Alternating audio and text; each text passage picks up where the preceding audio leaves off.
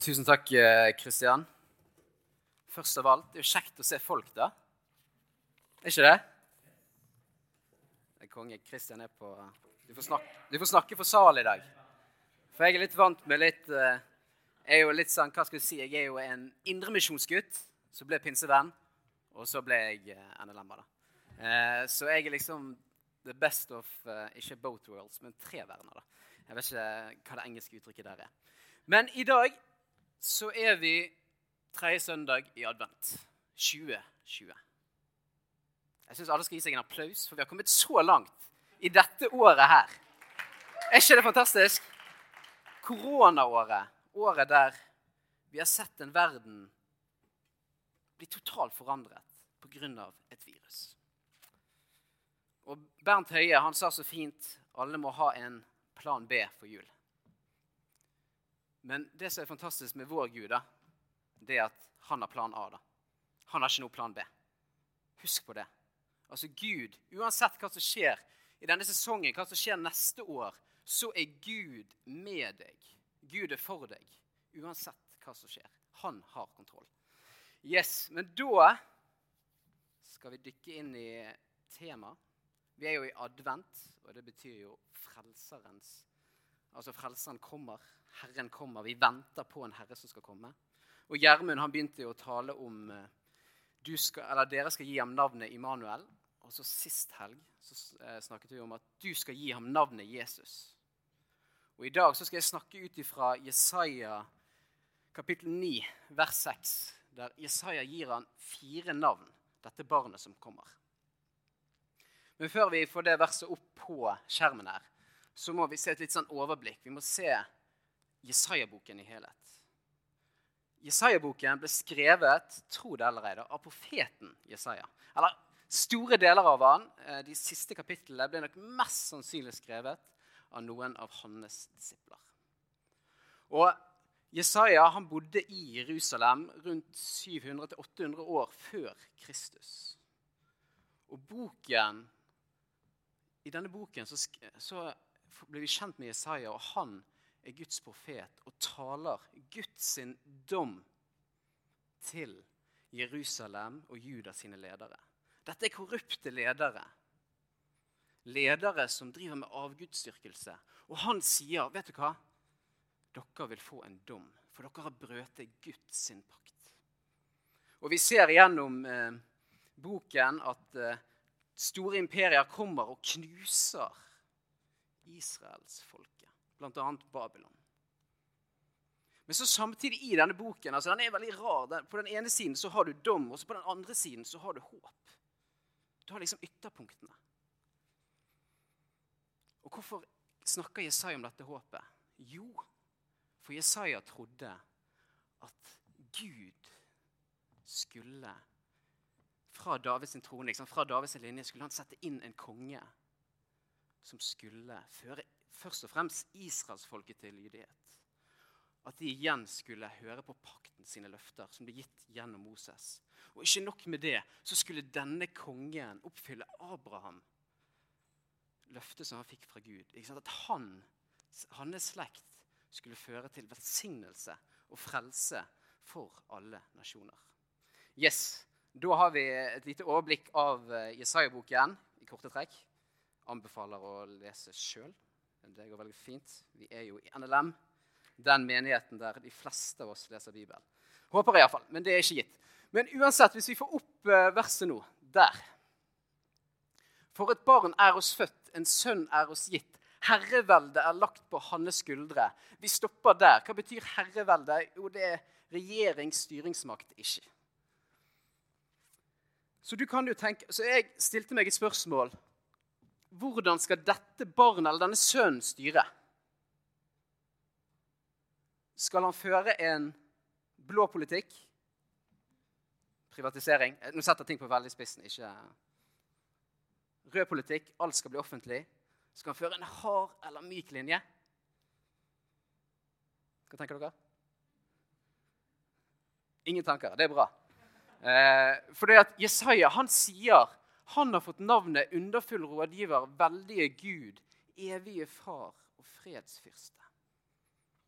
La oss begynne med ett. La oss begynne med det første navnet. Underfull rådgiver.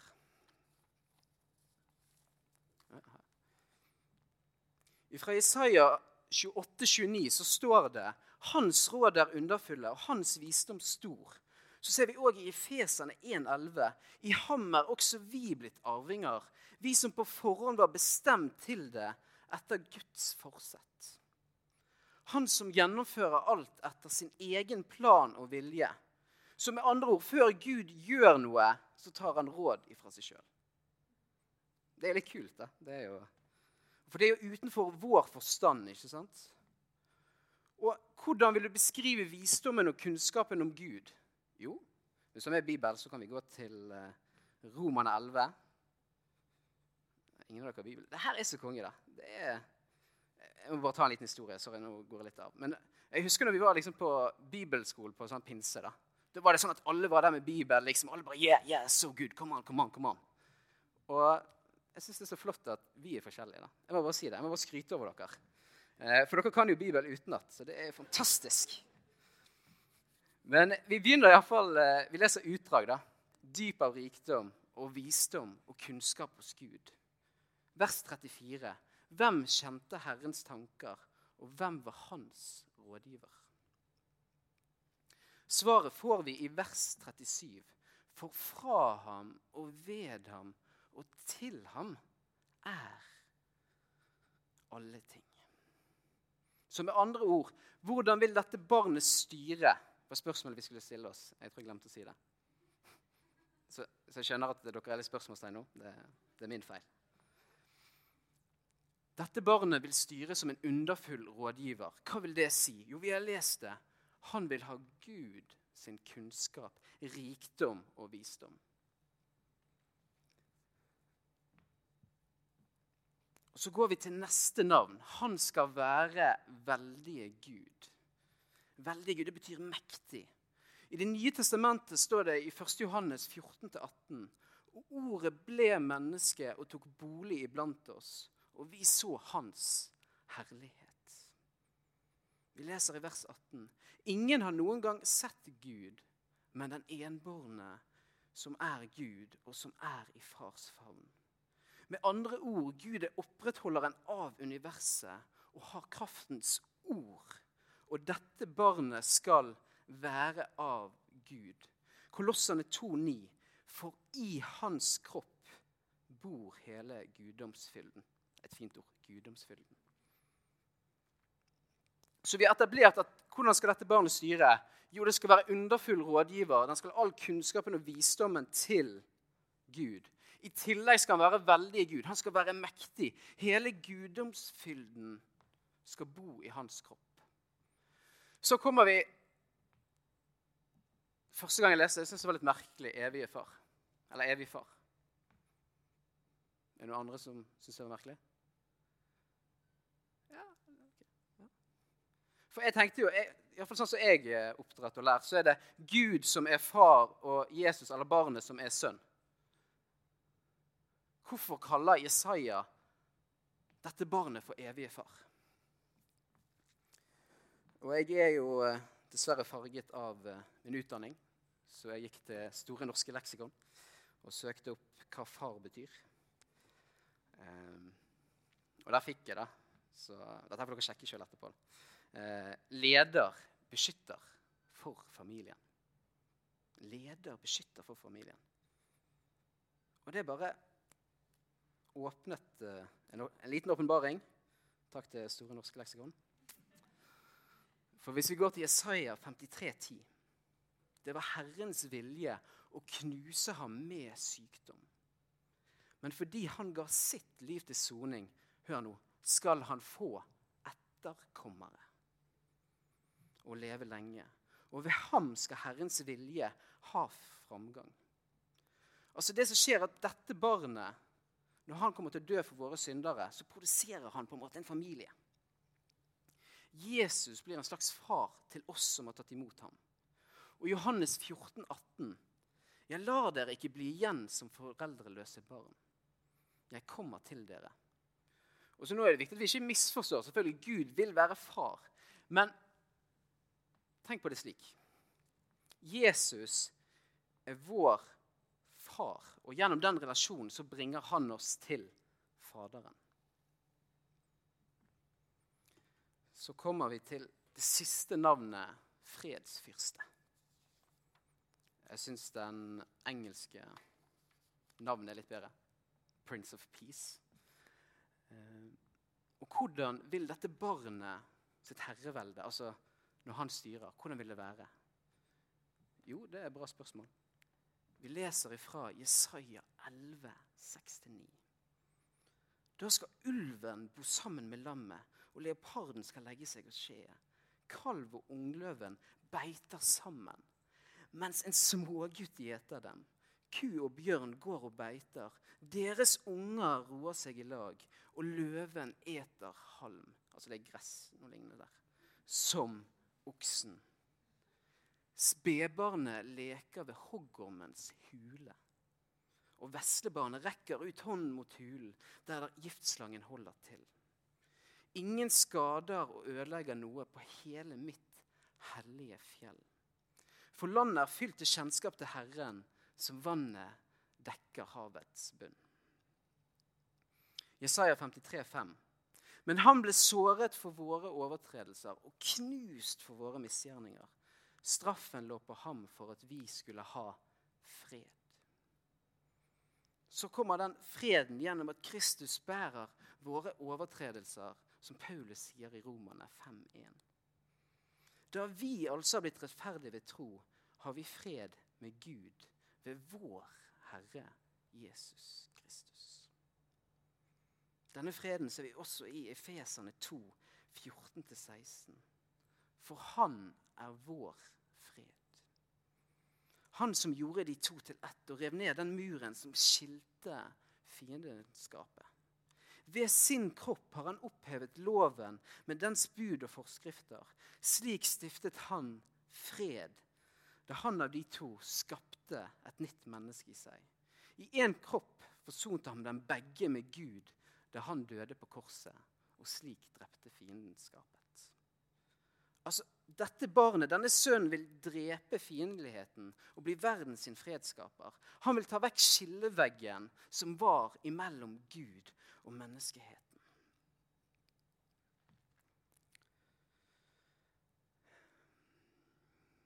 Og så tror vi sammen kan lese Johannes 14, 27. Så jeg vet ikke om dere har eh, med dere mobil, da, men uh, hvis dere går inn på bibelappen for de som ikke har det, så Jeg syns det er så fint, og det er liksom veldig mm. Jeg tror det er bra at vi leser det sammen. Så det var Johannes 14, vers 27. Johannes 14, vers 27.